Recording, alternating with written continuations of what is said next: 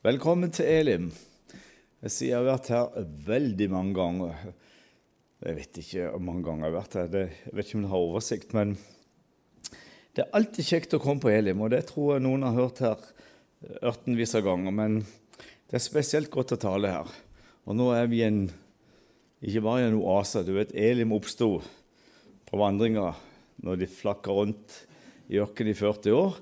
Og så kom de til en oase, og der var det Jeg savner 70 palmer rundt dette bygget her. Men det er nokså mange furutre. Det passer meg veldig bra, for jeg bor i et sted på Sørlandet, i Mandal, der det heter Furutoppen, så jeg føler meg veldig, veldig hjemme. Det der er skrekkelig lite spennende. Det er mye mer spennende dette som ligger i denne boka her. For uh, vi er nå kommet så langt i nådens tidsutholdning at vi kan se profeter og se. Vi er første generasjon som får se det. Og Jesus sa noe veldig spennende når disiplene spurte han, kan du gi oss noe tegn på tid du kommer igjen. Ja, sa det er jo disse kolossale kapitlene i Matteus 24 og Markus kapittel 13, og så er det Lukas 21, ja. Og så er det Lukas 17. Det er jo Jesu avskjedstaler. Omtalt med ulike variasjoner, for dette, det er jo individer. Matteus han var tolv år. Han hadde skarpt blikk, han med alle detaljer. Lege, legen, Lukas var lege, og han hadde med vel så mye. Og Markus var liksom rett på sak. Men i sum så forteller de Når disiplene spør Jesus gi oss noe tegn, kan du gi oss noe tegn på ditt komme og din gjenkomst. Og alt har vi da. Og så sier han Og vi har sosiale medier. Altså Verden er knytta sammen på alt dette elektroniske. ikke sant, Med satellitt og alt som går gjennom atmosfæren og gjennom lufta. Så sier han når dere ser, ikke hører, når dere ser disse ting ta form eller begynner å se, da skal dere ikke tro. Da skal dere vite. Jeg vet iallfall én ting. Nå er det høst. Nå, Jeg vet det. Jeg tror det ikke. Jeg vet det. Så ta konsekvensen. Jeg er veldig mye ute å reise, og jeg tar konsekvens. Jeg har vinterdekk på bilen. Den, den, står rett ut her. Ja, jeg tør ikke kjøre med sommerdekk nå. Jeg skal over flere fjelloverganger før jeg kommer på Sørlandet. Og da kan jeg vente til november. Jeg kan vente snø og glatt føre, og det har jeg allerede hatt. Jeg tar konsekvensen av noe jeg vet. Det er det veldig mange kristne som ikke gjør. De tar ikke konsekvensen av det de ser skje i dag. Og så er det den unnskyldningen ja, alt er som det alltid har vært. Det er ikke noe nytt. Hva, hva kan man vite? Jo, Jesus sier vi skal vite. Når vi ser disse ting skje, da står jeg for døren. Men vi vet ikke tiden Eller for å bruke bildet tar klinka eller tiden kommer. Nå står Jesus for døren. Og det skal jeg vise ut ifra ulike ting som jeg skal holde fram for dere i kveld. Det er jo en skrekkelig spennende tid på så mange områder, og det går så fort at det, det, liksom, det tar pusten for oss. Liksom, hva blir det neste? Det er katastrofe, det er naturkatastrofe, det som mange nevnte her, som Jesus sier. Det skal være krig og rykte om krig. Det faktisk første gang på mange år jeg begynte å kjenne redsel pga. noe som skjer i Nord-Korea. Tenk om han fyrer atomraketter, altså. Da kan alt si, altså. Det er ikke rart Jesus sier Men så, så tar han broddene det. Ikke bli redd, for dette må så skje. Altså, Det er ikke den hendelsen der, altså, men krig og rykte om krig. Og bare de siste 20-25 år så er det økt med krig og etniske eh, konflikter med 20% på jorda. Da, de som følger og har gått tilbake og ser i antikken og oldtiden og langt tilbake så lenge vi kjenner historien, vet at det har aldri vært mer uro. Det har aldri vært flere konflikter. Overnasjonale og internasjonale, og ikke, og ikke sant, etniske konflikter. Og akkurat det sa Jesus. Vet du hva han sa når han snakka gresk? Epi-ep et etnos. Etniske folkegrupper skal stå opp imot etniske folkegrupper. Vi hører på nyhetene det er etniske konflikter overalt, ikke sant? Ja vel? Vi ser det skje. Og så alt det andre som vi ikke skal gå løs på, som det var i Noas tid og i Lots dager. Det er nok å tenke på hvordan de i dag bryter alle norske flagglover. Det er veldig strengt. Vi som har vært i militæret, vi vet det. Det er veldig strengt med flagget. Og der heiser de homoflagget på offentlige flaggstanger uten lov. Ja vel? Hvordan var det i Lodsdager? De var aggressive, de var frekke, de pågående. De var altså De var aggressive og tok aldri et nei for et nei. Der er vi for lengst. Og når det gjelder, som det var på Noas tid, med familieoppløsning, har vi aldri opplevd maken. Har aldri vært mer familieoppløsning på den internasjonale arena. Du må helt tilbake til Noah sine dager før vannflommen kom. De gifta seg og ga opp sine ektemakere og gikk etter andre gifte folk, står. Det er helt fremmed for oss, ikke sant? Tenk hvor mye lidelser, tenk hvor mye tårer og mye sorg og smerter. Mange tårer på putene. Barna opplever at mamma er der, pappa er der, vi skal der. Det er sånn skytteltrafikk. Den helga der, den helga der. Og så blir det som det var i Noas tid.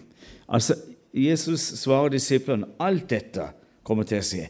Men så sier han noe om Jerusalem. Og det er noe eh, mitt tema i, i, kveld. Det står også i Lukas 21, vers 24. Jerusalem skal ligge under hedningefot, eller tråkkes under hedningefot. Altså Det er ikke jøder som skal styre byen. Jerusalem skal tråkkes under hedningefot inntil hedningenes tid er omme. Det der skal vi ta tak i litt sånn etter hvert. Men Akkurat det er jo skrekkelig spennende. For eh, i sommer, i mai, var jeg på min Jeg har vært i Israel nesten 80 ganger. Og tilbringer fire og et halvt år av livet mitt i Israel. Så da blir du litt kjent med både forhold og konflikter og alt mulig. Israel i sorg, Israel i fest, Israel i glede, Israel i krig og spenning og terror. Alt, det, liksom, det går over i hverandre, alt. Men i sommer var jeg og feira vi å feire Jerusalems 50-årsjubileum som gjenforent by. Og det skjedde 7.6.1967. Det var den dagen jeg fikk kalt til min tjeneste. Akkurat den dagen. Det bruker jeg ikke tid på i kveld. Det ligger ute på nettet, det ligger på disse CD-ene, og jeg vet ikke hvor mange ganger jeg har sagt, men nå har jeg holdt på i, stått i dette kallet i, i 50 år fra i sommer. da så får du med det litt underveis. Men det var min største opplevelse i Israel. Jeg har vært med på masse fester. Påskefester og løvhyttefester, purimfester og, uh, Simchat Torah-fester. Det er sånn lovens fest når de danser med alle bokrullene. Jeg har vært med på alle disse jødiske høytidene, men jeg har aldri opplevd å være sammen med flere hundre tusen israelere i fest, og du hører i gatene at de synger Davids sine gamle salmer på hebraisk. Hele byen var stengt for trafikk, og dagen før var Trumf der, så det var unntakstilstand. Jeg har aldri sett så mange israelske militære helikoptre i lufta på en gang. For da var Trumf på King David hotell, hvis du er kjent i Jerusalem. Og så skulle han ha en tur ned til Betlehem. Og Det var unntakstilstand, men det var fantastisk å være der. For uh, Israel jubler. Endelig kommer en president fra USA som forstår jødenes situasjon, og som går inn for at jødene skal bygge ut byen, vil flytte ambassaden, bygge Judea, bygge Samaria og utvide, som det står i Salm 122, Jerusalem, du sammenføyde by. Og Nå har de lagt ut flere kvadratkilometer områder der det skal bo i titusenvis av jøder rundt Jerusalem. En 3000 år gammel salme. Grønt lys fra USA. Sett i gang. Det er veldig spennende. Men det som er det mest fantastiske Jeg har sett mange sånne flagg. Men de kom med lastebiler, så åpnet de, så tok de opp hele lastebilen. Så datt det ut tusenvis av flagg på sånne stenger. Alle skulle ha flagg å veive med. Ja, altså Hele byen var blå og hvit av bare flagg. Og bare glade mennesker. Og da tenkte jeg på hva Jeremia skriver i kapittel 30 litt ned i det kapitlet. Enda en gang skal det være gledesdans på gaten i Jerusalem. Nå har de grunn til å feire. De har lengta, de har drømt, de har håpt, og de har bedt i to og et halvt tusen en bønn som jødene forma mens de var i eksil i Babylon. Der skrev de jo den kjente salmen ved Babylons elver satt vi og gråt, da vi kom Sion i hu. Og så synger de jo ikke sant, dette her Glemmer jeg deg, Jerusalem, da glemmer jeg min høyre hånd, og min tunge henger fast i min gane, om jeg ikke setter Jerusalem over min høyeste glede. Men det var fantastisk å høre de synger Davids sine salmer, og den som de hørte mest, det var den salme 133. Den synger de, den kan dere gutter, ikke sant? Hinematov, hinematov, shevet achim gam yachad. Det er en fantastisk sang. Du kan synge den i valsetakt, og du kan synge den i to tredjedel. Alt etter som. Du er i feststemning. Det var fantastisk å høre. Den betyr på godt norsk se hvor godt og livlig det er når oss brødre eller søsken kan være sammen. Og jeg har aldri sett så mange israelske ungdommer og alle løp rundt med og veiva på disse flaggene. Og det var svære ringdanser ut forbi den enorme synagogen. Det er midt i byen. Du som er kjent, det er rett med Kings Hotel og ja, never mind. Men overalt, altså. Alle veiene var stengt for biltrafikk. Hele byen var i fest. Nå var en to og et halvt tusen år drøm gått i oppfyllelse for 50 år siden, og nå hadde de virkelig grunn til å feire. Men åkke som, sa Stumperud. Det er jo ingen nasjon i verden som aksepterer dette. her.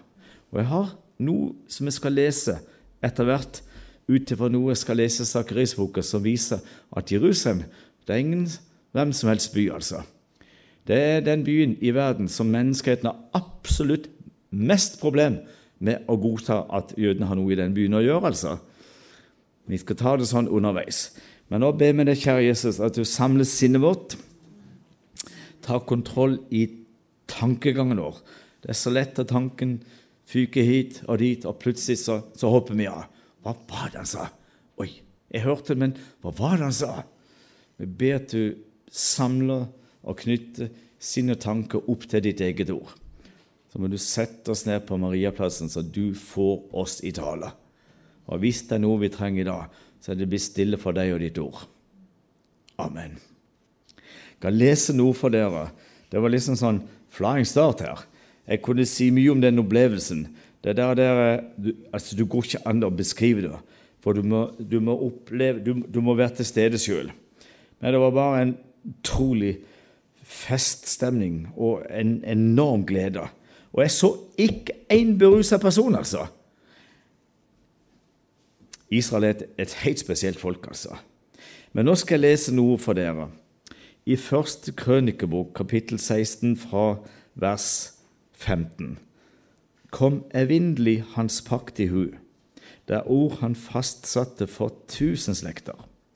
Den pakt han gjorde med Abraham og hans ed til Isak. Han stadfestet den som en rett for Jakob, som en evig pakt for Israel, i det han sa:" Deg vil jeg gi Kanans land til arvelodd. Da dere var en liten flokk å fremme det der, da bodde de jo ikke sant, nede i Berseba, nede her, her i byen, der Abraham fikk Da Gud avla ed, pakten og alle disse tingene til fedrene. Det er det vi leser her.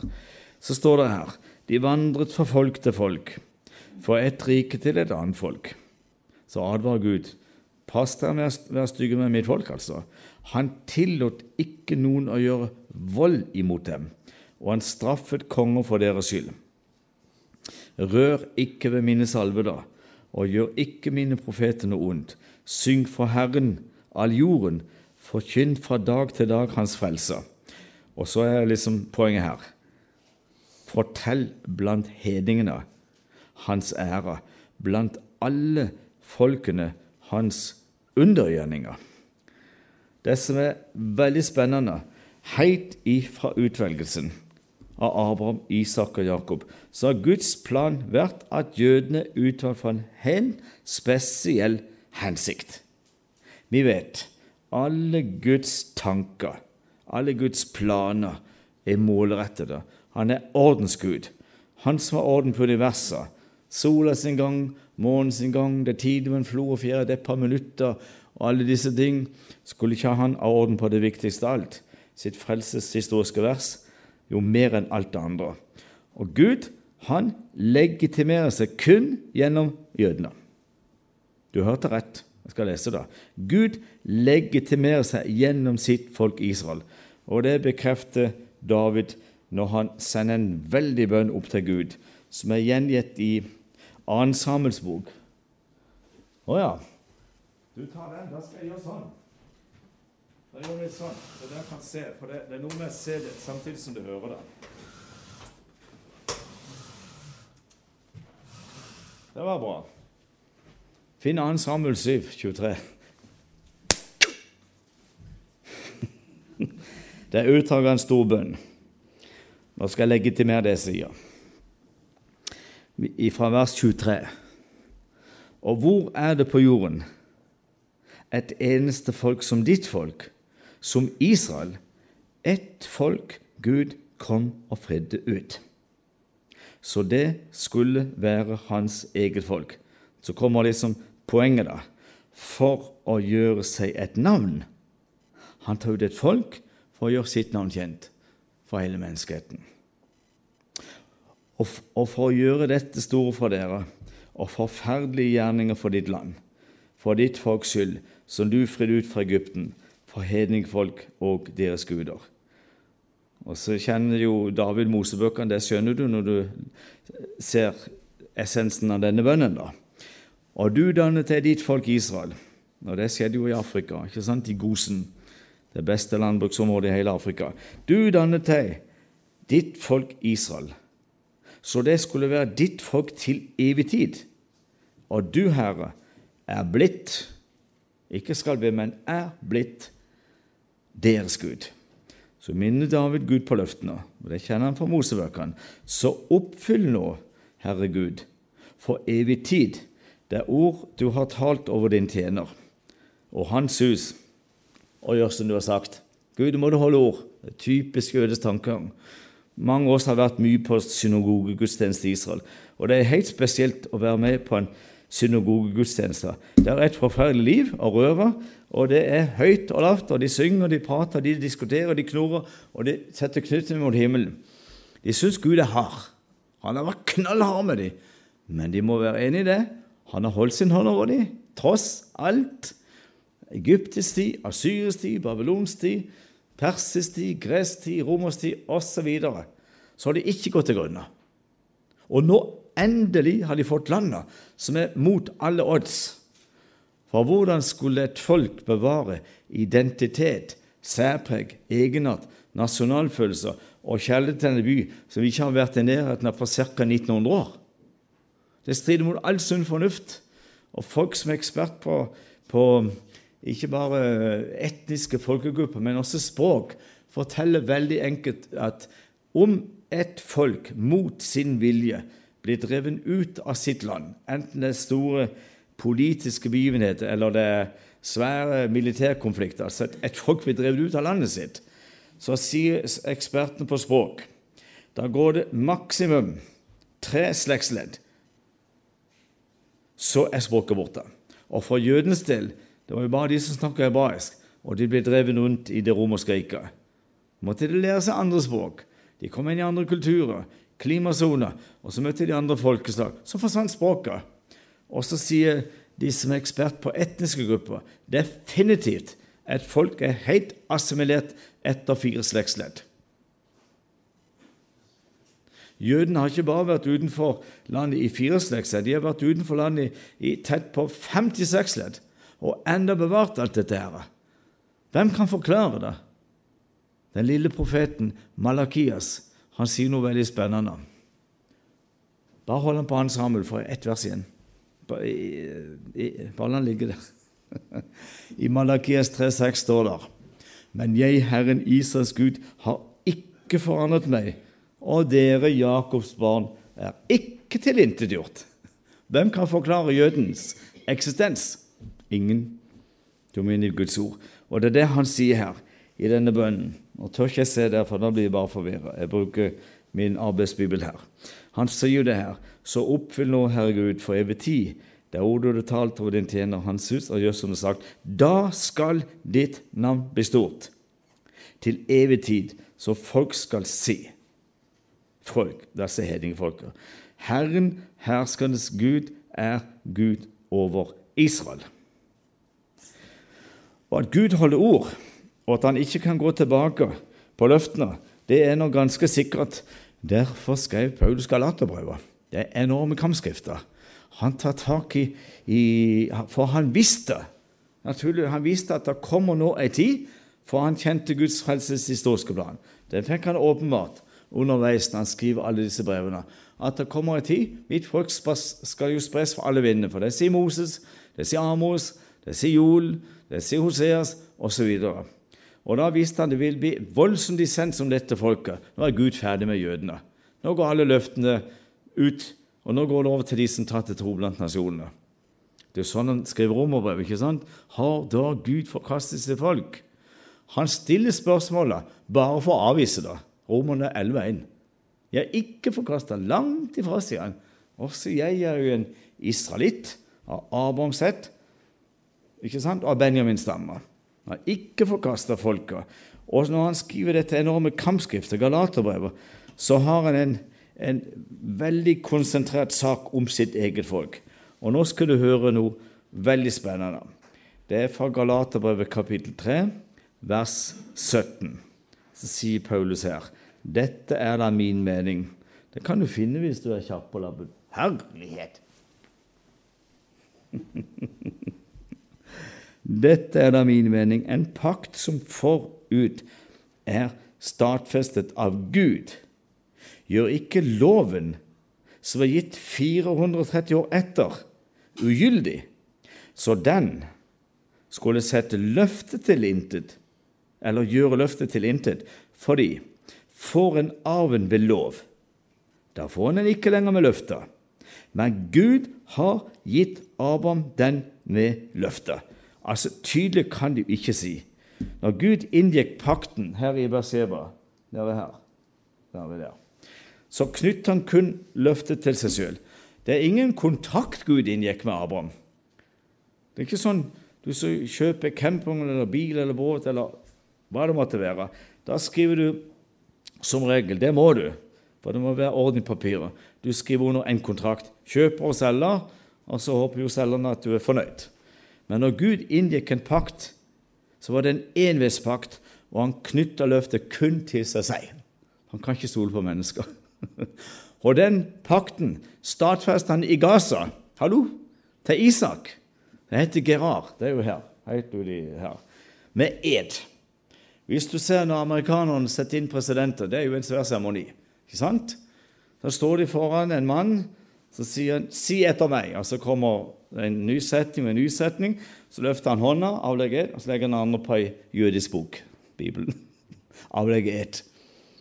Det er sterkt. Gud har avlagt ed i Gaza til løftesønnen Isak, og han ble pappa til to tvillinger. Ikke sant? Esau og Jakob. Men Gud brøt odelsloven i Rebekka, i mammaen deres mave, før de var født. For verdens eldste menneskerettigheter, det finner du i Bibelen. Det. Er du odelsgutt, så har du retten. Du som er født først, du har rett på gårdgrunn. Sånn er det. Men Gud brøt odelsloven, for han så vesenet på Esau. Utrolig, altså. For Gud sier den eldste skal tjene den yngste. Hvem ble født først av Esau og Jakob? Jakob betyr jo den som griper om hælen. Han holdt sin tvillingbror i hælen han ble født. Esau kom først, men Gud sier i Jakob skal jeg nevnes en ett. Og han fikk retten på landet. Så fikk han tolv gutter. Han fikk jo døtre, men han fikk tolv gutter. Det er tolvstammefolket som mange allerede leser fra åpenbaringa. Ja, og de fikk det som arv. Og på toppen av det hele så skjøt Gud over på disse guttene. Jeg kan si det veldig enkelt. Pakt, ed, rett, skjøte av. Og Gud knytta det kun til seg sjøl. Jødene har aldri bedt om en utvelgelse. Aldri er de bedt om å skrive Guds ord. Aldri er de bedt om å være et folk. Aldri er de bedt om å få et land. Alt hviler på Gud. Det var det David sa her. The uniqueness Finnes det noe altså sammenligningsgrunn ute i verden til dette folket? Det gjør jo ikke det. Han tok ut et folk. Gud er en utvelgende Gud. Og så sier han sjøl han valgte ut et folk og et land for å gjøre seg et navn. Og så sier Paulus utrolig sterkt i Romerbrevet 3, vers 1, hva fortrinn hadde jøden? Hva gagn er det i omskjærelsen? Meget i alle måter. Men så tar han tak i det vesentlige. Men først og fremst det at Guds ord ble dem betrodd. Tenk å bli betrodd Guds ord, altså. Og det gjorde de. Og Gud visste at det ble mye bråk om landet, om byen, om folken, og folk, byen og folket. Så sier han i Esaias kapittel 60 Bare liksom to vers som bare liksom slår det fast. altså. Og vi kan protestere mye vi vil. Gud bryr seg ikke, men han sier 'pass deg'. Pass deg med å tukle med folket mitt, som han skrev her i krønikeboka. Da leser vi Esaias 60, vers 21. For ditt folk, de er alle sammen rettferdige. Til evig tid skal de eie landet. De er jo en kvist som vi har plantet, et verk av mine hender, til min ære. Tydeligere kan det jo ikke stå. Til evig tid skal de eie landet. Og når Jeremia skriver de kolossale kapitlene 30, 31 og 32 og 33 Det er noen enorme kapitler. Så slår han det så fast det går ikke an å si det sterkere. Altså, like sikkert og lenge som sola skinner månen og stjernen lyser, havets brenning bruser. Så lenge de naturloven står ved makt for mitt åsyn, så er det kun jødene som har rett på dette landet. Han sier det sjøl. De, ingen andre har noe der å gjøre. De har ikke retten. De kan bo fremmede, men jødene har retten. Det der er også spennende. Og det fikk Moses så klar beskjed om rett før han døde, her på Piskastopp på Neboberg. Det er her kan du se nesten rett ned i Jeriko. Det er spennende å reise i Jordan. Jeg har fulgt jødenes vandring fra, ut fra Egypten, ikke gjennom Saudi-Arabia, men hele veien.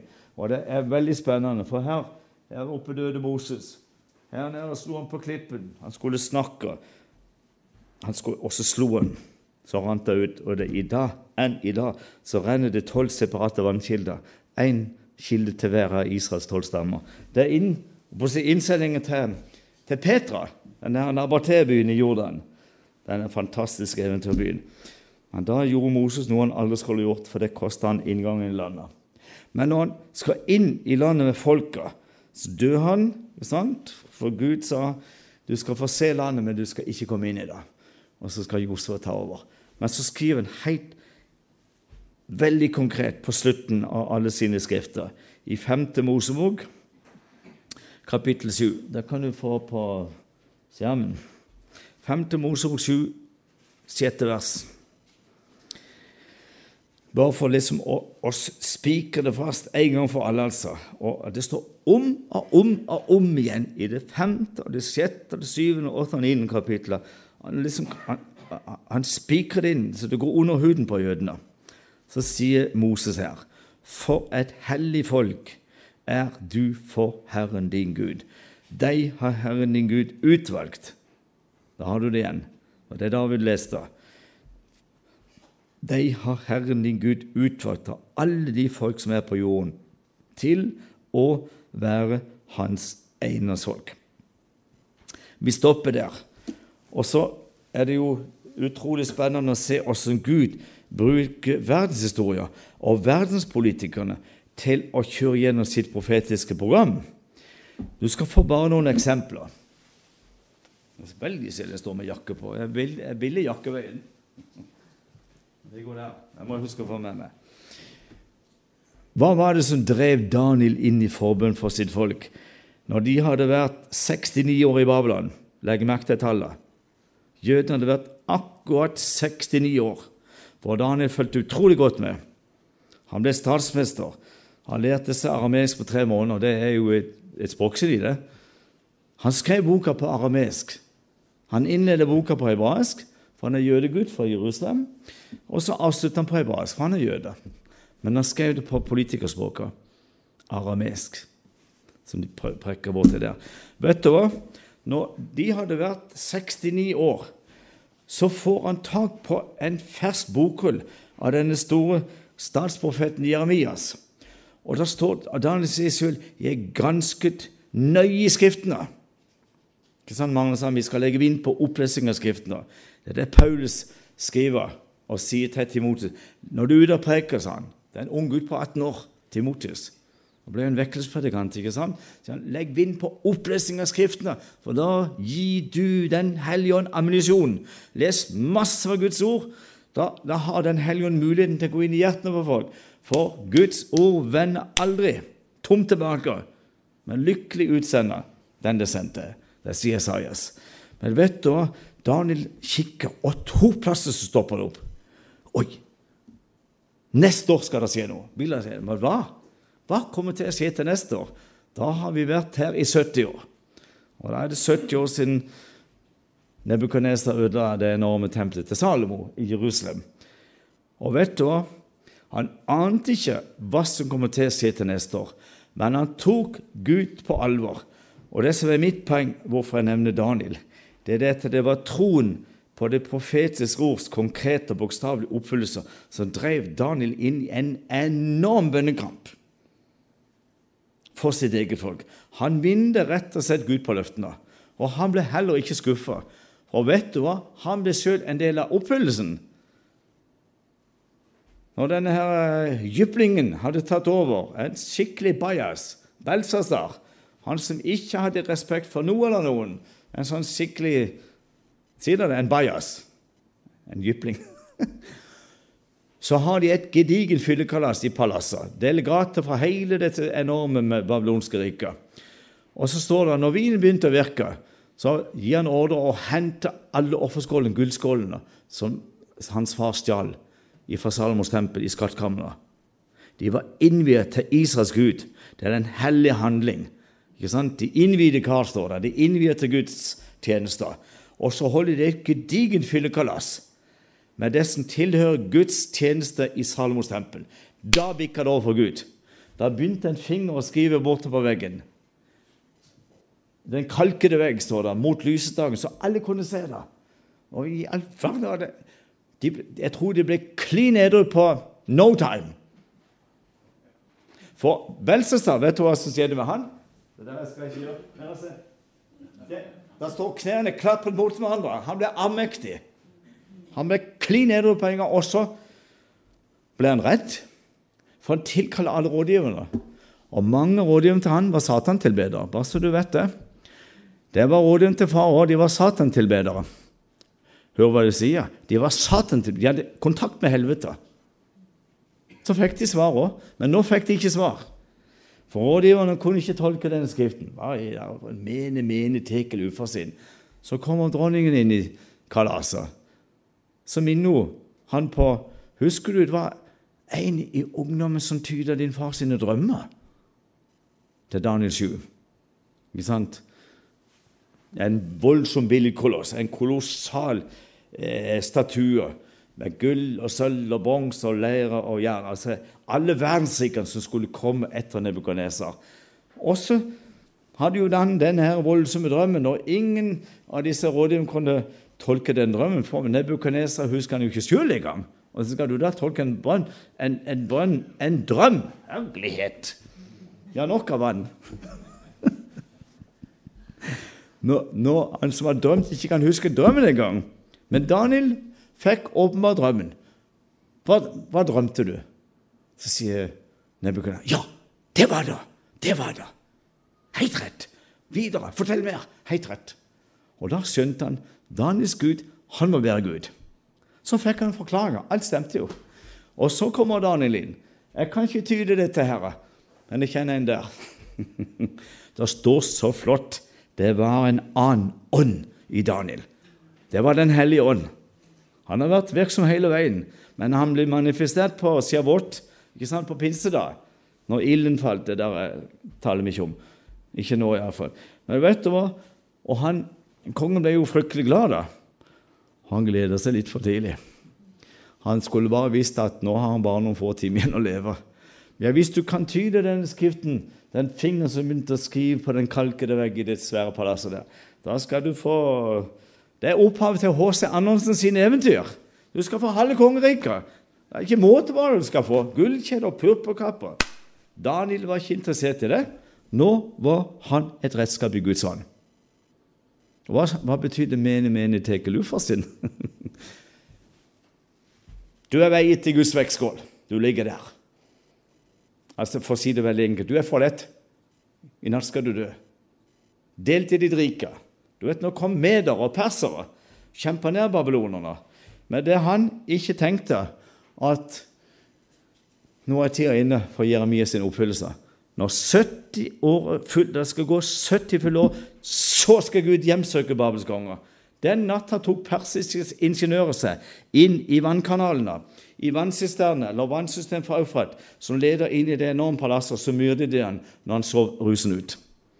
Ja, jeg har studert mistelsesstoff i 50 år, og sitter altså. Men det er litt spennende. Sånn skjedde det. Og så bruker Gud en veldig Det er ikke mye han skriver, men han er en vanvittig kan ikke si det, han er en enorm bibelkyndig lærer. Han prekte for jøden på vei hjem fra eksil, fra sola kom opp til stjernene kom på himmelen. Og de har alle, Jødene har aldri ropt så mye 'ammen, ammen, ammen', og de la seg flat for Guds ord. Og så begynte de ferieløpetefest igjen. Veldig spennende. Han heter Esra, og han begynner med en gang å fortelle om det dramatiske, den, den dramatiske begivenheten med Daniel som tyder Skriften og alle disse ting, så sier han dette skjedde for at det skulle oppfylles, det Gud hadde talt om gjennom sin tjener Jeremias munn. Gud brukte verdens mektigste politiske ledere og avgjørelser i politiske vedtak til å oppfylle ordet. Og Nå kommer en annen mann inn i bildet. Det der er Folespennende! Hallo? Nå, nå har jeg dratt sunnmørdialekten. Alle disse stammespråkene hjemme på Sørlandet de skjønner ikke hva jeg sier. Fole. Å ja, det var det Jesus hadde på palmesøndag. Brasninnens unge fole. Var ikke noe med det ja. Sørlendingen skjønner ikke det, men nå har jeg vært og hatt mange hundre møter på Sunnmøre. Jeg har jo reist her oppe i snart 38 år. Det var ikke dere gamle. Det var ikke jeg heller. Hør her så kommer et persisk rike opp. Nå skal du bare se hvor mektig Gud er. Og hele tida har gjort seg avhengig av folket og landet. Og så skal vi ta byen til slutt. Det der er fullspennende. Kong Kyros kom opp som en mektig leder når Nebukadnesa, eller rik, det babylonske riket, var nedkjempa. Og så er det jo litt interessant, for ja, hvordan skal de komme hjem, da? De kan ikke bare begynne å traske. De må, de må jo ha tillatelse av disse store verdenslederne, disse her mektige rikene. Og Da kommer kong inn i bildet. Og vet du hva? Så kommer en jøde og gir han Esaias-boka, som er skrevet på hebraisk, og forteller det er en statsprofet, en teolog i Jerusalem, som så deg. Og du er salva av Gud 200 år før du er født. Og ingen visste, altså, Dine tippoldefeller var ikke engang født. Og du skal føre jødene hjem. Det står om deg i Isaias 45, altså, bare for å finne ut i Bibelen. Kyros, min salve, da. Og han ble jo helt sjakkmatt. Ja, det må jo være jødens Gud som er Gud. Akkurat som Nebukadnesar sa til Daniel, sine medarbeidere, når de ble kjørt inn i ildovnen, og den ildovnen var syv ganger hetere enn vanlig. Og de som kasta det inn i ildovnen, de ble stekt levende. Og de så Daniel sine tre medarbeidere, så så det Jesus. Det var en gudesønn der inne. Du gikk rundt. Og når de kom ut, lukte ikke svidd av håret. Tøyet luktet ikke røyk eller svidd. Altså. Da fikk de respekt for Daniel sin, sine venner sin Gud. Og Nebukadnesar ble en kristen etter våre begreper. Bare så du vet det. Han sa alle skal bøye seg for Daniels Gud. Det er jo Daniels Gud som er Gud. Vår Gud er avguder. Hallo? Og Det er det jo enda, da. Men hør her. Og kong Kyros i det persiske riket, som får overlevert Da var du bokrulle, ikke sant? Sånn på kjevla. Han ble jo helt sjakkmatt. Dette er jo skrevet ca. 200 år før jeg er født. Og her står det at jeg skal være med. Jeg skal være altså pådriver til å sende jødene hjem, så, så gjorde han det. Da sier han nå kan alle som tilhører dette folk, reise hjem. Og de fikk med seg gull og gods i mengdevis. Masse av det som var stjålet fra Salomos tempel. Begynn å lese i Esras bok, skal du se hvor Gud er. Det der er altså så spennende. Når Gud bruker og ikke nok, vi kan ikke ta alle eksemplene, da blir vi jo aldri ferdig. Det sier seg selv. Men det er så spennende å se at pga. det profetiske ord så begynner verdens mektigste ledere å respondere og handle politisk på topplan. Så kommer de hjem etter løftene. Jeremias hadde skrevet det, Esse bekreftet det, og Isaiah så det lenge før Jeremias begynte å skrive. Så navn på dem. Det er profeti, altså. Og da har du, da har du dette som Jesus sa til, eh, til Johannes på Patmos. Når han skriver denne voldsomme åpenbaringsboka, så står det jo allerede i vers 3 Salig er den som leser. Alle vi kan lese. Salig er den som leser og lytter til det profetiske ord, og tar vare på det som står skrevet der, for tiden er nær. Sånn begynner boka. Og Sånn avslutter han boka. Så kommer han med en tilleggsopplysning. Sett ikke seil for de profetiske ord i denne bok for tiden er. Det er åpenbaringa 22 fra 7 og ned til det tiende verset sted. Så skal du få ei historie til, og den er av nyere dato. Det var mai 1948. Det er jo skrekkelig spennende. Det var da Israel ble en stat, ikke sant? Men noe som er veldig spennende 12. mai, to dager før Israel ble en stat, og britene ga opp mandater, og folkeretten hadde de i bunn, og alle disse tingene, så var det ikke en jøde som visste hva landet skulle hete. Hva skal vi kalle landet vårt? Vi må jo ha et navn på, Israel, på, på, på fedrenes land. Mange forslag. Sion. Nei, sier Ben Gurion. Kanan. Hva er det det het når fedrene bodde her? Nei, hva skal staten vår hete? Og postsjefen i Jerusalem han var på han sa jeg må vite jeg skal trykke frimerker. For det er en spesiell dato når vi, får land tilbake om to, to, dager. Så må jeg vite hva jeg skal skrive på frimerka. så sier Ben Gurion, så bruker han Guds ord. Medina Israel. Staten skal hete Israel, for det sier vår Gud. Så ble det det. Det er bakgrunnen. Og hva betyr Israel? er det noen som vet det? Man går hjem og kikker på det i Bibelen. Hva betyr Israel? Det er mange tolkinger i Israel. Det betyr Gud gir aldri opp. Gud er standhaftig. Og, ja, der er, der er, så mange altså, betyr Gud kjemper. Og jammen det er sant, altså. Den som kjemper med Gud og mennesker og har seiret. altså. Det er jo så spennende. Så det er bare navnet. Men så kommer den 14. mai. Ben Gurion samles, samler en sånn en provisorisk regjering nede i Tel Aviv. Det er denne kystbyen som ligger her nord for Joppa. Nok av det. Og da har de altså fått navn på landet. Og de visste at i morgen er det full krig. Da, det, da vil de kastes over den ufødte staten. For det, det, hadde alle arabiske ledere sagt, at de kommer aldri til å godkjenne en vantro stat. På, og da er du rett inne i muhammedaner-tankegangen, ikke sant? Og det er ingen som snakker om islam. Da var det muhammedanere. Det var noe uskyldig, vet du. Muhammedanermisjon. Yes. Men da visste jødene det at uh, i Koranen vi blir vi omtalt som vantro, og vi er de verste av alle vantro. Og vi har stjålet Allah sitt eller Muhammed sitt land. Alle disse tingene her. Men vet du hva? Så proklamerer de staten, og så går det tolv minutter etter Israel blitt en stat. Det er fredag ettermiddag, 14. mai, beredelsesdagen, like før sola går i Middelhavet. Da er det sabbat. Da er det helg. De måtte bli ferdig før sabbaten går inn. Det er jo den store jødiske helligdagen, da.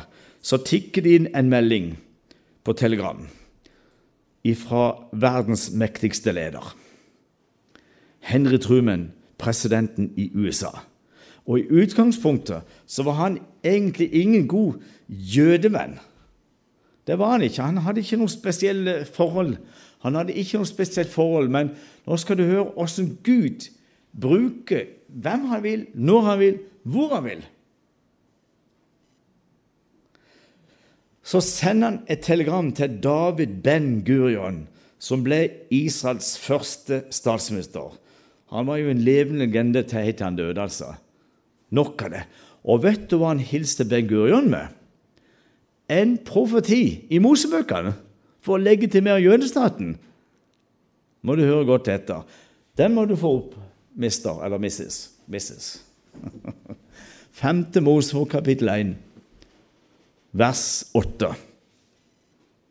Henry Truman, USAs president rett etter krigen, han legitimerer den nyfødte jødestaten som er tolv minutter gammel. Tolv minutter gammel stat! Da er du rykende fersk, altså. Nå kan du lese det sjøl. Det var hilsen fra USAs president. Se, jeg har gitt dere dette landet. Ja, det er jo der de er. Dra av sted og innta det landet som Herren med ed Da har du dette her. Pakt og ed og rett. Har lovet å gi fedrene Abraham, Isak og Jakob og deres ett etter dem. Og vet du hva? Da kom en rabbiner i New York, oppsøkte USAs president. Så han, fikk han han i tale. Ikke sant? En rabbiner. Det er sånn jødisk prest, de som styrer synagogegudstjenester. Nok av det. Så sa han rett til henne, Trumen, dette har ikke du sagt av deg sjøl. Gud plasserte deg i din mammas mage for at du skulle si akkurat det du sa. Dette sa ikke du av deg sjøl, og det vet vi. Han hadde aldri tenkt å gjøre, men det kom opp noe inni han. Og så brukte Gud verdens mektigste leder. Og det trengte Israel den gangen. For de visste at i morgen er det full krig. Og de hadde ikke engang en hær. De hadde noe som heter Hagana, og det betyr Heimevernet. Husk, det er tre år etter holocaust. Og da var det ca. 600 000 jøder. Og mange de var overlevende fra disse forferdelige leirene til, til nazisten. ikke sant? Litt spennende. Så skal jeg ta ett eksempel til. Han sa Gud har plassert deg i din mamma sin mage for at du skulle besigne oss og gi oss liksom en oppakking på staten. Og et siste eksempel. Da klarer jeg en til. Se på det. Det er bra. Det er bra. Da klarer sørlandsdialekten litt til. Mange er ferdig snart med innledninga. Det var sånn spit. Hør her. Det er krig i Israel, den verste de har vært påført. Oktober 1973. Jom Kippur-krigen. Og det var en dramatisk krig, altså. Det var altså på hengende hår det gikk galt. Nå skal du høre noe spennende. Da var Golda Meir, hvis dere husker henne. Hun var statsminister i Israel, og Richard Nixon var president i USA. Må ikke du tenke på Watergate. Det er liksom det folk tenker når du hører Nixon, så er det Watergate. Men det er folk ikke klar over, at han var med fysisk militært å redde Israels eksistens. Altså, Når du ser bort fra Guds løfter og Guds uh, hånd over landet, så var det rent militært han ble Israels redning. Så går det fem dager på krigen. Jødene, eller israelerne, holder på å gå tom for ammunisjon og krigsutstyr. For de ble påført noe forferdelig sak i starten. Det var altså så kritisk. Så ringer Gollameyer til Nixon Klokka tre på natta han ligger og sover i Det hvite hus. Han, de kjente hverandre fra før. For vet du hva Nixon hadde sagt om eh, Golla Meyer? Hun var ingen hvem som helst, altså. Nå må dere damer høre godt etter, for det er en ferie i hatten for dere. Nixon sa om og til Golla Meyer hun er det eneste mannfolk i den israelske regjeringen. det var til damene. Men hør, hun var, hun var hun var thai. Hun var, hun var en hviterussisk jøde. Hun, var en, en, hun hadde en jernvilje hun var på Og så har du et, et hjerte.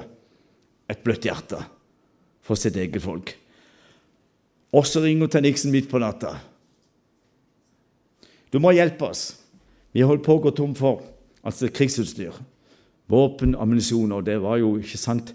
De ble angrepet av over én million soldater på den helligste dagen i den jødiske kalender. Da, da folket verken spiser eller drikker, de er ikke på jobb, de er ikke på skolen, de hører ikke radio, TV. Altså Landet lamma. En nasjon er i faste et helt døgn.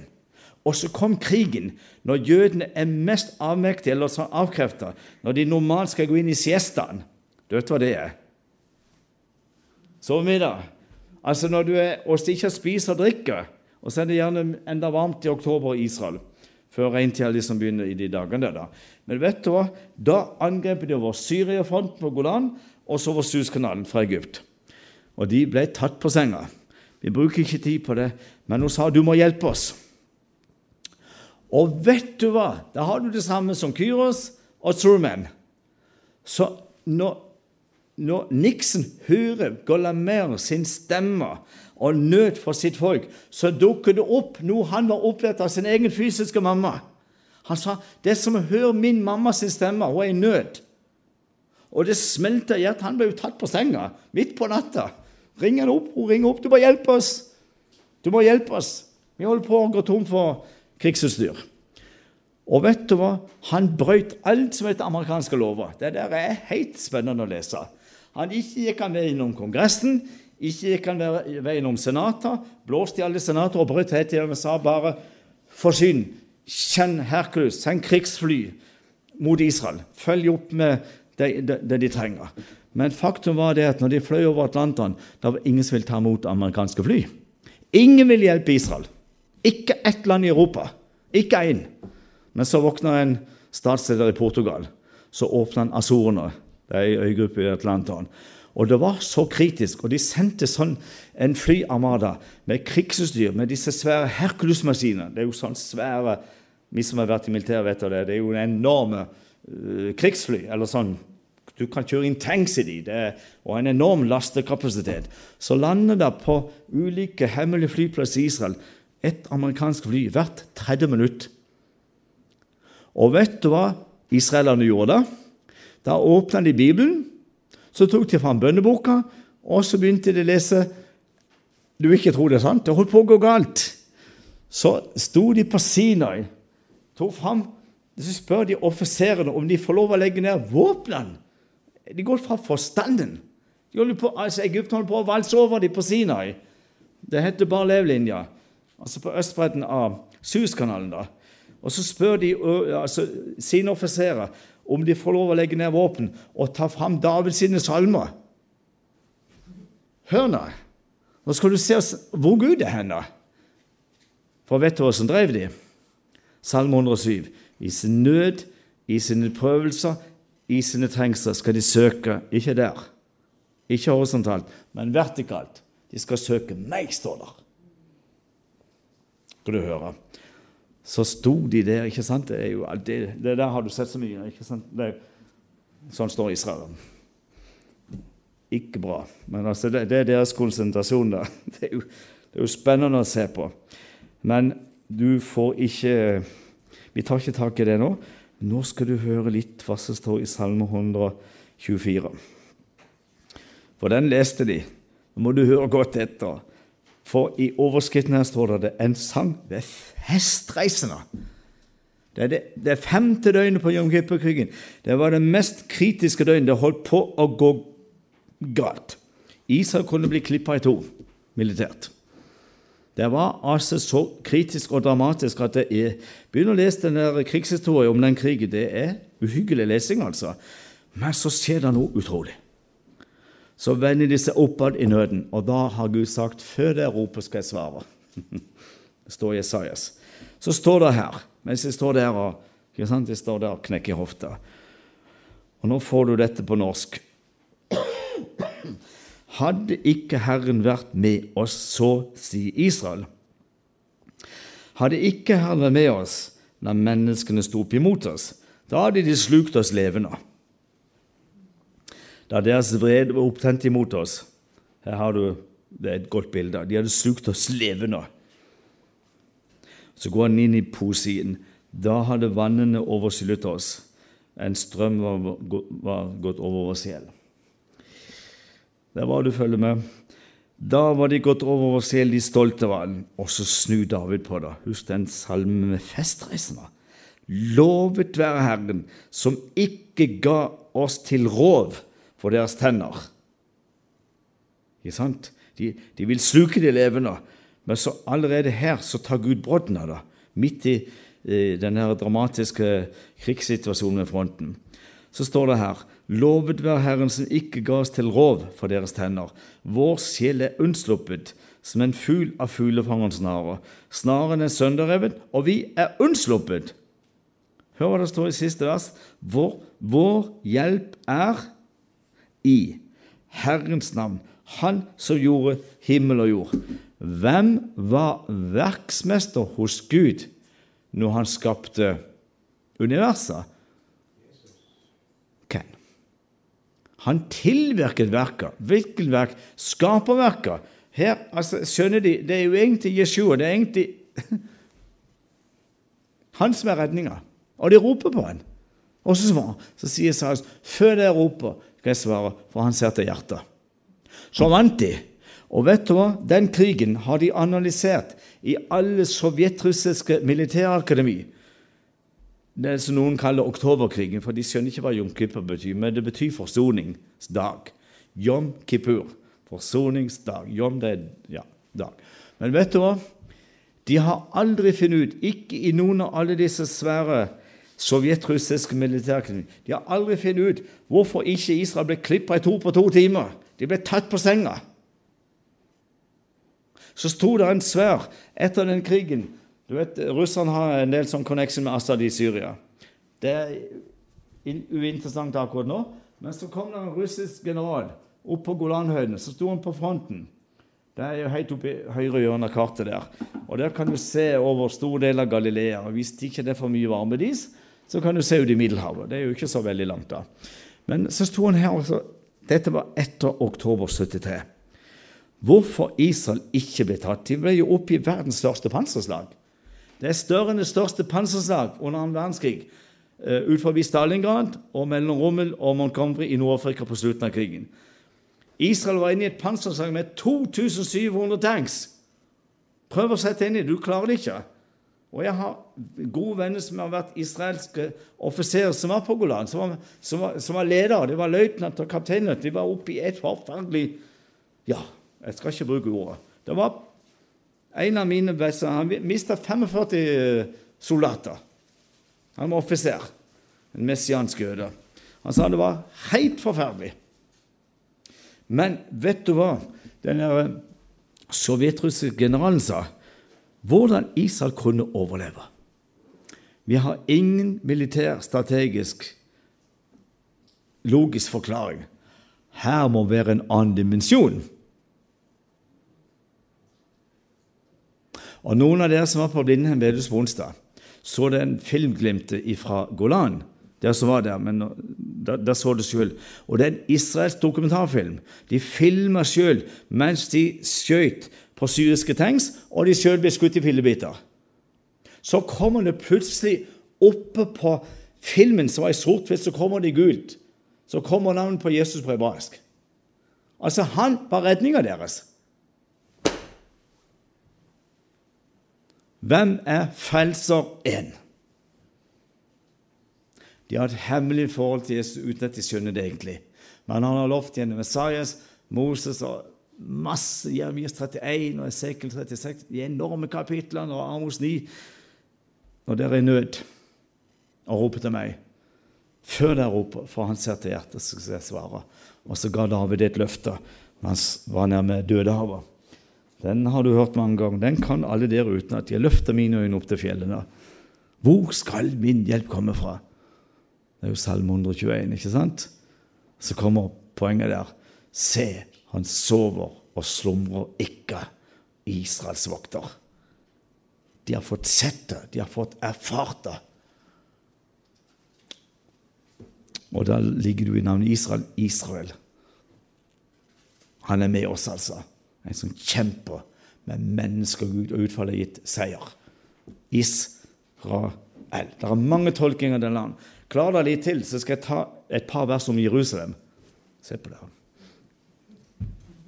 Han, Magne smiler, da er det greit. Det, for, for, det er jo heavy. Nå har jeg Jerusalem-flagget her.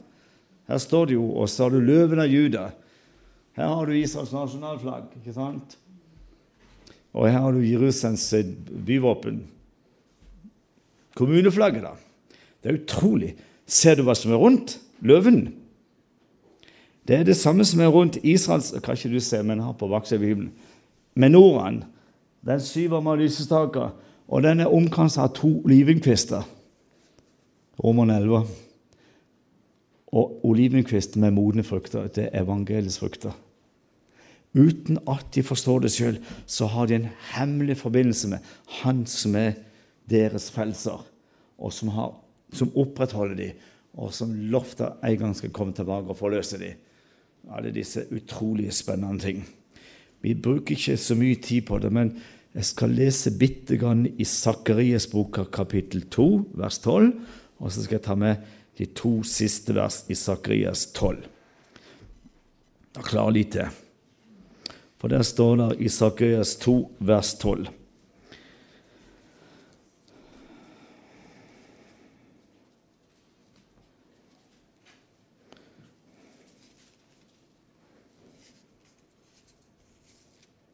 For så sier Herren, herskernes Gud, for sin æres skyld har Han sendt meg til hedningfolkene, som plyndrer dere. Og så kommer en, en kraftig advarsel. For den som rører ved dere, rører ved hans øyensten. Altså å tukle med jødene Når det er mot Guds frelseshistorie, så sier han den som rører ved dere, stikker fingeren i Guds øyne i min pupill. Hvis du leser den hebraiske teksten, står det i pupillen. Altså det er der alle våre sanseinntrykk går inn. Ikke Du, det er jo ingen som ser her. Du ser her. Det er derfor det er så farlig å slå bakhodet. Vi tar imot inntrykkene. Her fokuserer vi. ikke sant? Vi fokuserer seg nærbilde og fjern og, og, alt. Det er jo et utrolig instrument. Men det tåler ingenting. Øyet tåler ingenting. Den som rører dere, stikker fingeren på Guds øye. Prøv å stikke Det gjør du jo ikke med dine fulle fem. Hvis du hadde tenkt å stikke fingeren i øyet på en person, må jo tro at du er gått fra forstand. Men hør, verden har jo aldri gjort noe annet. Egypter, asyrer, babyloner, persere, grekere, romere Du kan ta de hele veien. Alle skal tukle med det folk, altså. Men Gud har advart den som gjør det. Det går fryktelig galt. Så sa Malakias, men jeg, Herren Israels Gud har ikke forandret meg, og dere Jakobs barn har ikke tilintetgjort. Han kan ikke gå tilbake på eden, løftet, retten til fedrene. Nå får du de to siste versene. Skal jeg bare vise noe? Og så hadde jeg en veldig sterk opplevelse, for jeg hadde en statsråd på tur i Israel en gang. Han var olje- og energiminister. Husker du han? Kåre Kristiansen. Det var den tida vi hadde OL på Lillehammer. Det er den tida der, midt på, på 90-tallet. Spiller ikke noen rolle. Men hadde han og kona på to tur i Israel. Det var reiselederen hans. Og vi hadde noen møter sammen nede på Sørlandet. Tenkte den mannen sitter på så vanvittig med kunnskap. Og den Israel-interessen han har. Og den kjærligheten han har til Israel. Så jeg sa til ham jeg kan ikke fatte meg hvordan du kan sitte med oljesjeiken i Kuwait, Emiratene, Iran, Irak og i Libya og Gaddafi og sitte og forhandle. Da er jeg statsråd, sa han. da er jeg diplomat. Ja, jeg skjønte jo det, men jeg skjønte å balansere der. Men så sa han noe utrolig spennende til meg. Og det har med disse to versene du får på slutten her nå. Jeg har vært utsending for den norske stat i FN. Og nå må du høre godt etter. Jerusalem kalles i FN i dag av samtlige nasjoner som er der inne i hovedforsamlinga. For han sa jeg har vært utsending for den norske stat, og jeg har opplevd noe utrolig angående Jerusalem. Vet du hva han sa? Alle nasjoner i verden må du høre godt hva jeg sier. Alle utsendinger fra alle nasjoner på hele jordkloden de tror det ikke. Alle vet. Hvis det er en by jødene, eller israelske jøder, eller jøder rundt i verden, har et forhold til, de lengter etter å komme til, de drømmer, de håper, de synger om. De har alle sine aspirasjoner, som de også former i Babylon. Glemmer jeg det i Jerusalem, da glemmer min høyre hånd, og min tunge henger fast i min gane om jeg ikke setter Jerusalem over min høyeste glede. Han sa det. Alle vet. Det er jo ikke Tel Aviv de lengter etter. Det er ikke Natanya Det er jo ikke andre byer. Det er jo Jerusalem. Alle vet det. Men ikke nasjon kan godta det. Ingen kan godkjenne Jerusalem som hovedstad for jødene. Enda alle vet det. Skal du høre. Sakrias kapittel 12. Yes. Ja, Nå må du over i det tolvte kapittelet, det andre verset. Se, jeg gjør Jerusalem til en tumleskål for alle folkene rundt omkring. Også vår Juda skal det gå ut når Jerusalem blir kringsatt. Vi vet, det, det må jeg ta veldig godt. Når britene mista kontroll, for de forener seg på islam, så mista de kontroll på palestinamandater. Så ga de rett og slett opp. Men idet de er i ferd med å gi opp og trekke seg ut, så gjør de noe de aldri skulle ha gjort.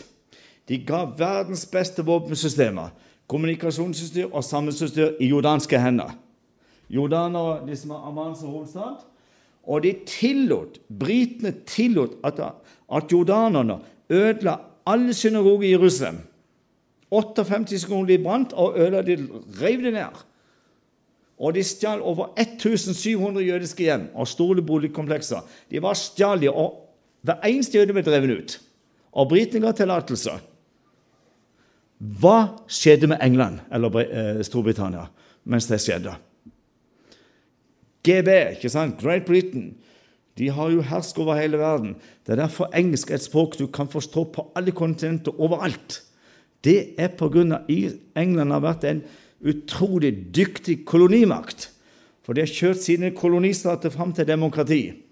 De har kjørt verdens største nasjoner fram til demokrati. Canada, India, Australia, New Zealand osv. Det er bakom for at britene fikk palestinamandater. Dere som er så dyktige, dere som står i den romerske latinske tradisjonen og vet hva som er rett og galt, og bygger på de ti bud i bunnen, dere skal få være med og, og, og, og forberede opprettelsen av et jødisk nasjonalhjem i fedrenes gamle land. Hallo? Det er bakgrunnen. Palestinamandater. Og i disse dager er det akkurat 100 år siden det begynte. vet du. Belford-deklarasjonen 2.11.1917. Da skulle vi snakke om, men ikke nå. Det må du lese sjøl. Veldig spennende om folkerett og alt dette her. Det, det er så grassat spennende. Men vet du hva? Da det skjedde at britene forrådte jødene. Når det ble frihetskrigen i, i mai og juni 48, da rakna det britiske imperiet. De stakk ut i øyet. De forløfta seg for så skal du høre. Så trakk de seg ut på et stort eh, eh, britisk krigsskip, en svær fregatt som lot forbi Tel Aviv. Så signaliserte de meg, og det har jeg vært, for jeg har vært i marinen eller kystforsvaret, som blåkarer. Så har signaliserte med lys. Palestinamandatet er opphevet. Så lot de jødene i stikken. Nå kan de seile sin egen sjø. Og så la de hele problemet og Jerusalem i FN sine hender. Nå er Jerusalem et problem for hele verden. De ga opp. Nå må du høre et siste vers. Spennende. Så står det her, og det er Gud som taler. Altså, Det som skjedde i vers 2, det var byen ble beleira. Vi tar ikke tak i det, for det er det ikke tid til. Men Gud sier her det skal bli en tomleskål. Du skal helle i det betyr å helle i et, et beger fylt med gift, eller som det står i fotnoten her et, en skål med berusende vin. Og da er du irrasjonell i tanken. Du tenker ikke klart heller i det et beger fylt med gift. Snakk med de som er på Evangeliesenteret, hvorfor de er der. De vil ut av det. Hør her. Og det skal skje på den dag. Det er vers 3. Yes! Og det skal skje på den dag av Gud som taler her, at jeg vil gjøre Jerusalem til en stein å løfte på for alle folkene. Ja, alle som løfter på den, skal såre seg selv. Ja, alle jordens hedningfolk skal samle seg mot det, altså det mot Jerusalem. Og vet du hva han sa, han Kåre Kristiansen? Han hadde vært med og sett det uhyggelige hatet da var han i FN til jødene. Så sa han Jerusalem i dag ja, Der må du spikre inn i hodet ditt, altså. Jerusalem kalles i dag for verdenspolitikkens stormsentrum og den internasjonale politikks store hodeverk. Og jeg tror du får hodeverk hvis du på forhånd har helt i deg et, beger fylt med gift. Det er ganske skrekkinngytende Jeg har bare to eksempler her. Jeg skal ta ett eksempel til slutt. Det er det verste. Men vi har noen kristne aviser i Norge. Ikke sant? Og så har vi en regjering, og så har vi en kirke. Men vet du hva? UD i Norge mener av alle stater i verden Norge har diplomatiske forbindelser med, så mener UD i Norge at Israel har ingen hovedstad. Norge kan ikke godkjenne Jerusalem som Israels hovedstad. Det er UD. Og så har du Den norske kirke, der så du kan grine. Jeg må ikke glemme. Det står i Salme 122 På engelsk har du hørt han over hele Israel, iallfall i Jerusalem. Pray for the peace of Jerusalem. Be for Jerusalems fred, så skal det gå dem vel som elsker deg. Men Den norske kirke ønsker ikke å be om fred for Jerusalem, for det er politikk. Hva står her? Det skal bli en løftestein, og de skal skade seg selv og såre seg selv. Man klarer ikke engang å folde hendene og be for den byen som er bolig for Guds navn. Nå skal jeg si det på engelsk. Shame on us! Vi bør skamme oss! Norge har aldri godkjent Jerusalem som hovedstad. Og De sier rett ut Israel har ikke noen hovedstad. Si det til en danske. Vi kan ikke godkjenne København. Vi kan ta Aalborg eller Århus. Har du danskene dette rett i Kattegat? Si til en svenske vi kan godkjenne Göteborg eller Malmö som hovedstad i Sverige, men aldri Stockholm. Vi tar det opp i FN. Ingen godkjenner Stockholm. Altså, Svenskene gått rett i Østersjøen. Hadde trodd er verden gått av hengselen der. Ja! Når det gjelder Israel og Jerusalem. Er det rart? Det er en løftestein. Hva står der? For alle nasjoner. Siste eksempel. Nå må du holde deg fast. Det er derfor jeg ikke tør ha noe her, for dette kan smadre hele talen. Det er Vet du hva som skjedde i UNESCO, den store organisasjonen i FN, i oktober i fjor, 2016? Jeg har masse eksempler, men nå får ikke du flere. Du klarer ikke å ta mer inn på en kveld. Men nå, nå, skal, du en, nå skal du få litt av en sats. altså Det er ikke, nesten ikke til å tro at det er sant. Men bakgrunnen jeg, jeg skal bare gi deg et vers, for dette kan vi egentlig ikke forstå. Det står noe i 2. Korinterbrev, kapittel 4, vers 4. Og det har med djevelen å gjøre. Denne verdens gud Det er jo Lucifer eller djevelen, ikke sant? Denne verdens gud har forblindet de vantro sinn, så de ikke kan se lyset fra evangeliet og bli frelst. Og, og det, er ikke, det, er jo ikke, bare altså, ikke sant? Og ingen er mer blind enn den som ikke vil blind. Men her sier Bibel, Paulus det der, altså, Djevelen har forblinda verden. Det ligger dekk over, altså. Eller forblindet. Og nå må du høre. Hva skjedde i oktober for ett år og to uker siden? Midt i oktober i fjor. Jo, da har Unesco, som er en stor, tung organisasjon inn under FN-systemet De står for kommunikasjon og kultur og vitenskap og, og alt det. Altså, kunnskap og kommunikasjon og, og vitenskap og kultur. Sa jeg det to ganger nå? Bare si ja. Men iallfall det som vi har her oppe. Så vedtar de en resolusjon. Hold det fast. Det er på 41 punkter som går nedover. altså De spesifiserer, og så har de som headline ikke sant? Hovedoverskrift, headline. Palestina er okkupert. Ferdig med det. Altså, Jødene har stjålet et annet folks land. De er utgangspunkt for resolusjonen.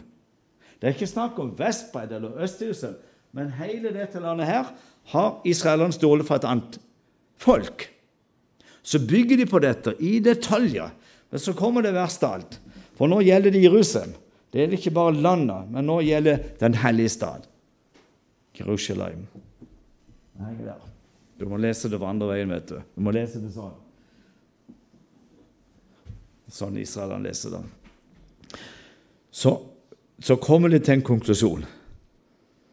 De bygger hele resolusjonsteksten, kommunikerer, på en drøm Muhammed hadde på sine nattlige reiser på et fabeldyr som heter Albarak. Det, det er mye verre enn H.C. Andersen sine eventyr, altså. Men vet du hva? Så parkerte han dette fabeldyret. Der jødene står der og stanger med huet i veggen. Vestmuren, der de skriver bønner, og så putter de inn mellom disse enorme steinblokkene, som er noe av fundamentet til Salmos tempel. da. Jo, så klarer han å karre seg opp med litt der fabeldyret. Så kommer han opp på Haram al-Sharif, det Bibelen kaller Moreberg, og Israelen kaller for Tempelplassen, eller Tempelberga. Ikke sant? Det er der disse her Er der du har denne kuppelen over i dag. Ikke sant? Oppå her. Vet du hva? Så kommer han seg opp på dette fabeldyr Albarak, og så, så, skal han, så skal han til den syvende himmel. Husk det er en drøm. De bygger på en drøm. Og så sparker dette fabeldyret så hardt ifra at det blir merkefjellet. Og derfor har muslimene bygd Dome on the Rock. Det er ingen moské. Det ligger jo i jord. ikke sant? Det står på fjellet en dom. En, en, en klippedom. Omar. Og inn under den kuppen der i fjellet skal det være merket til fabeldyr. For Muhammed skulle til månen. Det er jo en måneideologi. Er ikke islam en månereligion? Se på alle minareter. Det er muslimske bønder, og det er måner. Og Jo lenger fra Midtvesten, så blir det en sigd. Og når det er i Midtvesten, så er den heil. Sånn er det. Poenget er dette. Jo, så mellomlander han på månen, og nå er Muhammed i den syvende himmel. Og så konkluderer Unesco fast. Jerusalem er kun en hellig by for muslimer. Jødene har ingen historiske røtter i denne byen. Slå den. Nå skal jeg si noe mer. Det som er det mest skremmende, det er de statene som var med og, og sa ja til dette. Det er Alle europeiske stater de bygger på løgn. De tør ikke provosere islam. De er enige. Jo, 26 nasjoner stemte. Det er rett. Jerusalem er kun en hellig by for muslimer. Jødene har ingen historiske røtter og ingen rett på byen. Blir det en løftestein? Og 24 land stemte blankt. De vågte ikke å protestere. Ja, men Er ikke det jødens by? De visste det, som Kårkesen sa, men de tør ikke. De, de er unnfallende og bøyer av. Og da sier Gud a stone to have. Det skal bli en stein. De skal ta den opp og løfte på den og skal så og skal skade seg selv. Det verste av alt det er at Sverige og Frankrike stemte for løgnen. Jøden har ingen rett på denne byen. Det er kun en muslimsk by. Netanyahu ble så galen. Vet du hva han sa? Nå har du meldt seg ut. Både USA og Israel har meldt seg ut av UNESCO. hvis ikke du vet Det Det er, bare, det er nyere dato. Det er ikke lenge siden. Men han sa reis til Paris. Du tror det står et Eiffeltårn i Paris. Det er en illusjon. Det er en illusjon. Det er en drøm du har hatt. Han, han, han hånte de, altså. Det er noe franskmennene har skapt for å få millioner turister til Paris. Kan du sitte oppi den i det der drømmetårnet der og se Champs-Élysées, du kan se Triumfen, du kan se Notre-Dame og Jeg har vært i toppen av der, men den drømmen jeg har hatt Det er ikke noe Eiffeltårn i Paris. Det finnes ikke. Det er en drøm. Det er en illusjon. Reis til Kina. Du tror det er en kinesisk mur? Det er en drøm. Det er noe kineserne har skapt for, i sine brosjyrer for å få millioner turister på å gå på en mur som ikke finnes. De går i en illusjon. Nei, sa han. Reis til Rom. Hva ser du i sentrum av Italias hovedstad? Titusbuen. Og hva ser du i Titusbuen? Jo, der ser du en menora. Den romerne stjal ut av tempelet som Herodes bygde. Ikke sant? Der Jesus var i som tolvåring. Det er det tempelet der. I triumf så tar de med seg de, de, de, mest verdifulle eiendommene som jødene har i sin tempeltjeneste i Jerusalem. Sølvtrompetene som levitene blåste i når de tillyste hellige forsamlinger. ikke sant? Høytid og alt dette her. Ja. Og der så sier Nathaniel har vi ingen historiske røtter. Så sa han, se på min hånd. På min hånd er en finger. av flere, men jeg har en ring der, sa han. Og arkeologen i Jerusalem har gravd ut en ring der mitt slektsnavn står Netanyahu inni ringen, og den ringen er 3000 år gammel. Har vi jøder ingen historisk røtter i Jerusalem? Og så sa han til FN han var der i høst Han tok de everyone. Dere bør skamme dere, sa han. Dere driver ikke historieforfalsking. Det er ikke fake news. Dere snur opp ned på historie. Dere bygger på løgn, alle sammen. Skam dere, sa han. Han sa det jo på engelsk. da. Shame on you. Og de satt jo der, vet du. Og han tok de alvorlig. Og FNs generalsekretær han ble så flau, og så gikk han på talerstolen og sa har ikke Israel rett på denne staten? Og den staten som nekter jødenes rett, kaller jeg en antisemitt. Det er ingen som liker å ha det, ikke sant? En jødehater. Så Nathaniel tok de skikkelig skole. Han holdt et, et foredrag i FNs hovedforsamling 19.9. i høst, og så brukte han Bibelen som basis for det han sa. Det skal jeg avslutte med. Er det greit? Jeg kan fortelle i bøtter og spann. Det skjønner du. Men vet du hva? Han sto på talerstolen, og to ganger så brukte han Bibelen. Så sa han det er en bra bok, sa han. Dere i UNESCO, i FN, der har nå gjort Hebron, den eldste jødiske by i verden. Den er eldre enn Jerusalem. Der ligger patriarkene. Der, er han. Der er patriarken og matriarken. Der er Abraham, Isak og Jakob, Lea og Rebekka. Ikke Rakel, for hun døde ut forbi Betlehem når hun fødte Benjamin. Ikke sant? Hele vårt her. Å, Josef. Yes! Vet du hva? Så sa sånn, FN, Unesco, har nå gjort Hebron om på en verdensarv som en, en palestinsk verdensarv. Det blir verre og verre, altså. Så kan du lese lenger ned i Sakarias. Det ender i en verdenskrig om Jerusalem.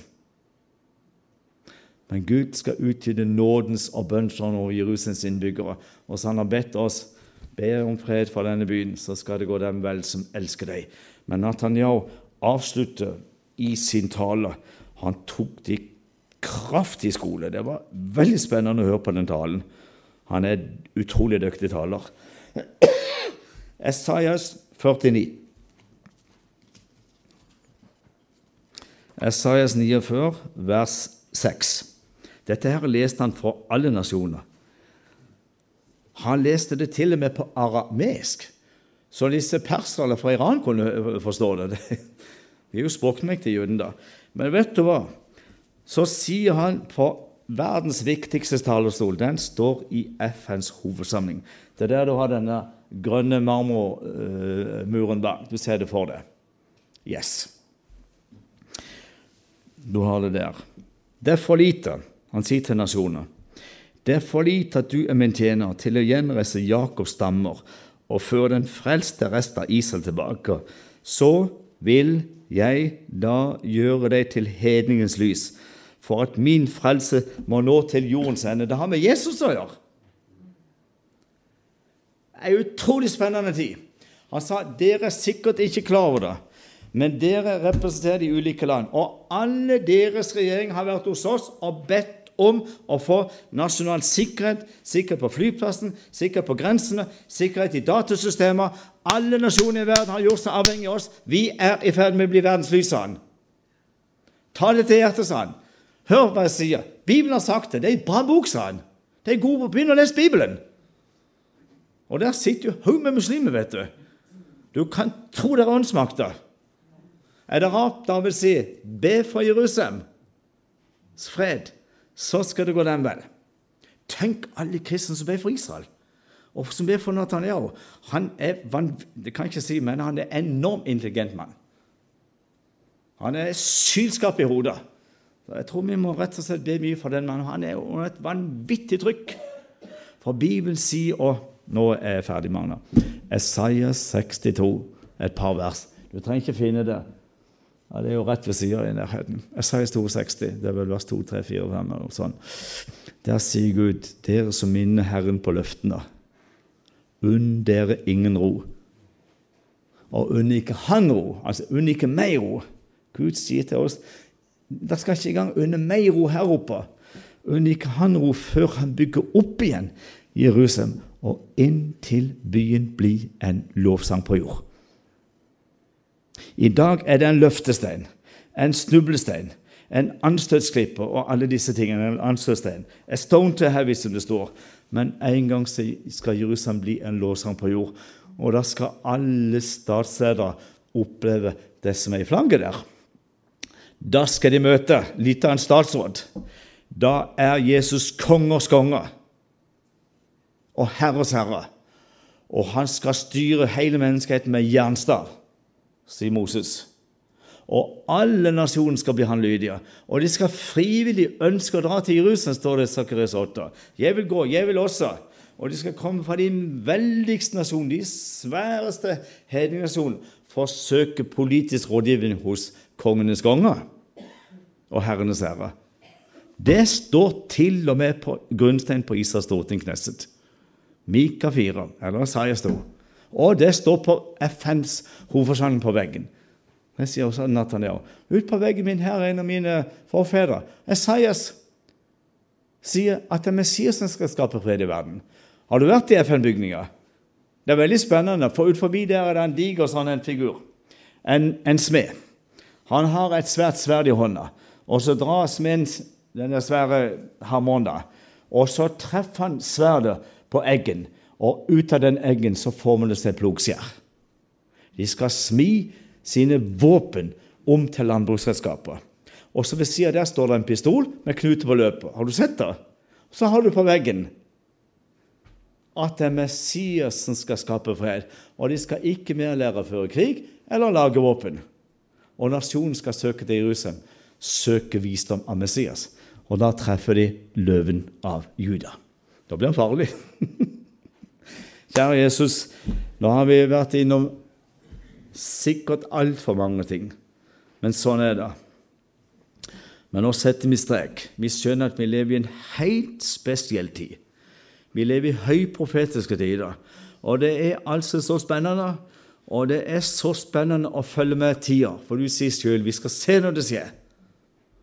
Alle disse endetidstegn, enten det er moral eller etiske, kostbiske, sosiale, naturvitenskap, hva enn det måtte være, hvilken kategori, vi skal se det. Se jordskjelv, se naturkatastrofen. Vi skal se det, sier du. Og da er det opptak at du kommer. Og så midt oppi det hele så sier du Jerusalem skal komme på jødisk hen igjen. Og Da er det opptak at du kommer tilbake. Og så har vi fått en oppfordring av deg gjennom David. Pray for the peace.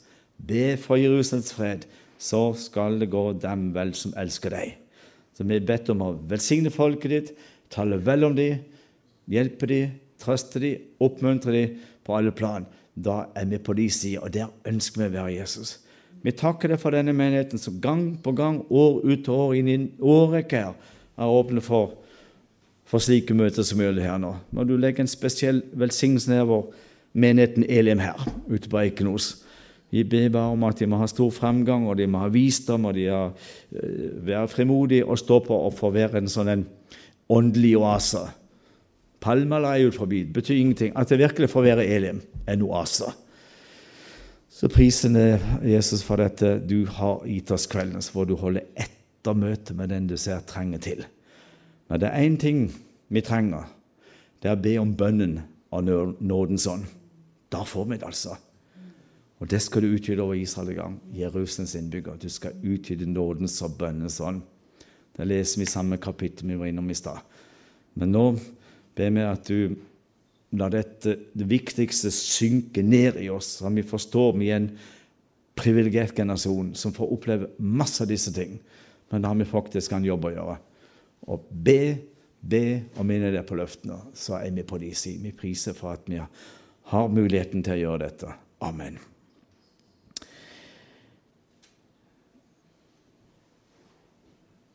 Er du sjakkmatt?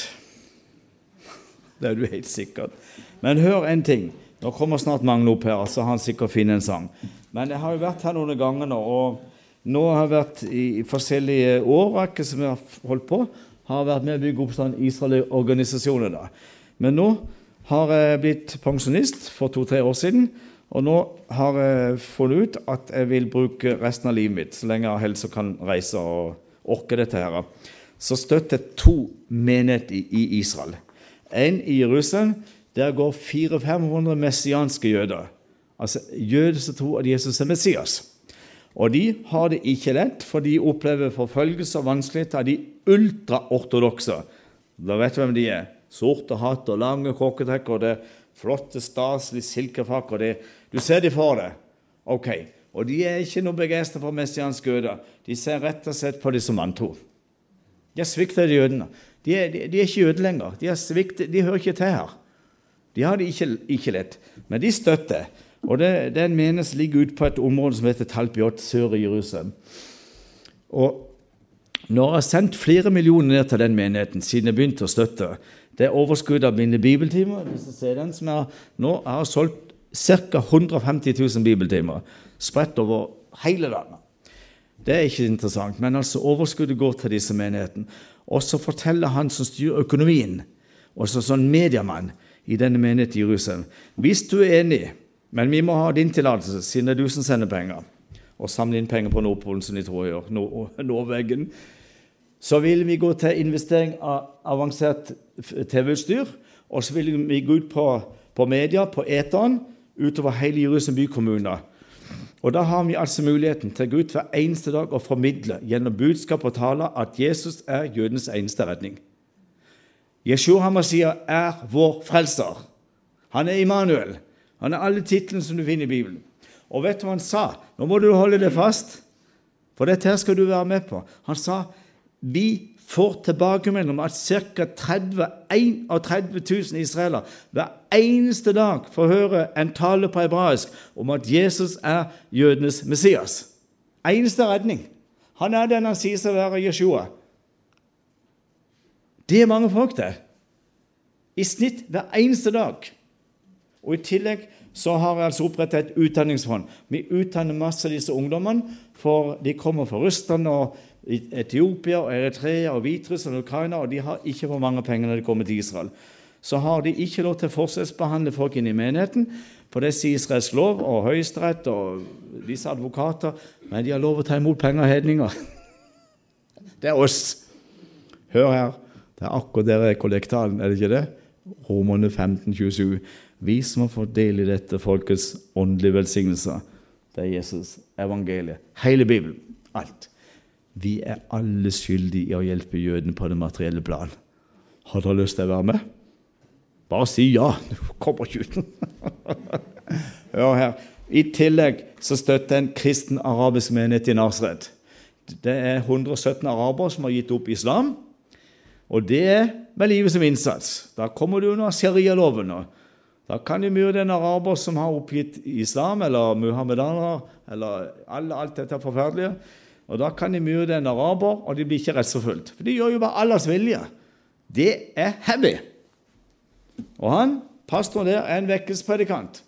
Salah Shalim. Han var hovedtaler på en kristne ambassadens sommerstevne i Kristiansand. Og han er god venn av min familie.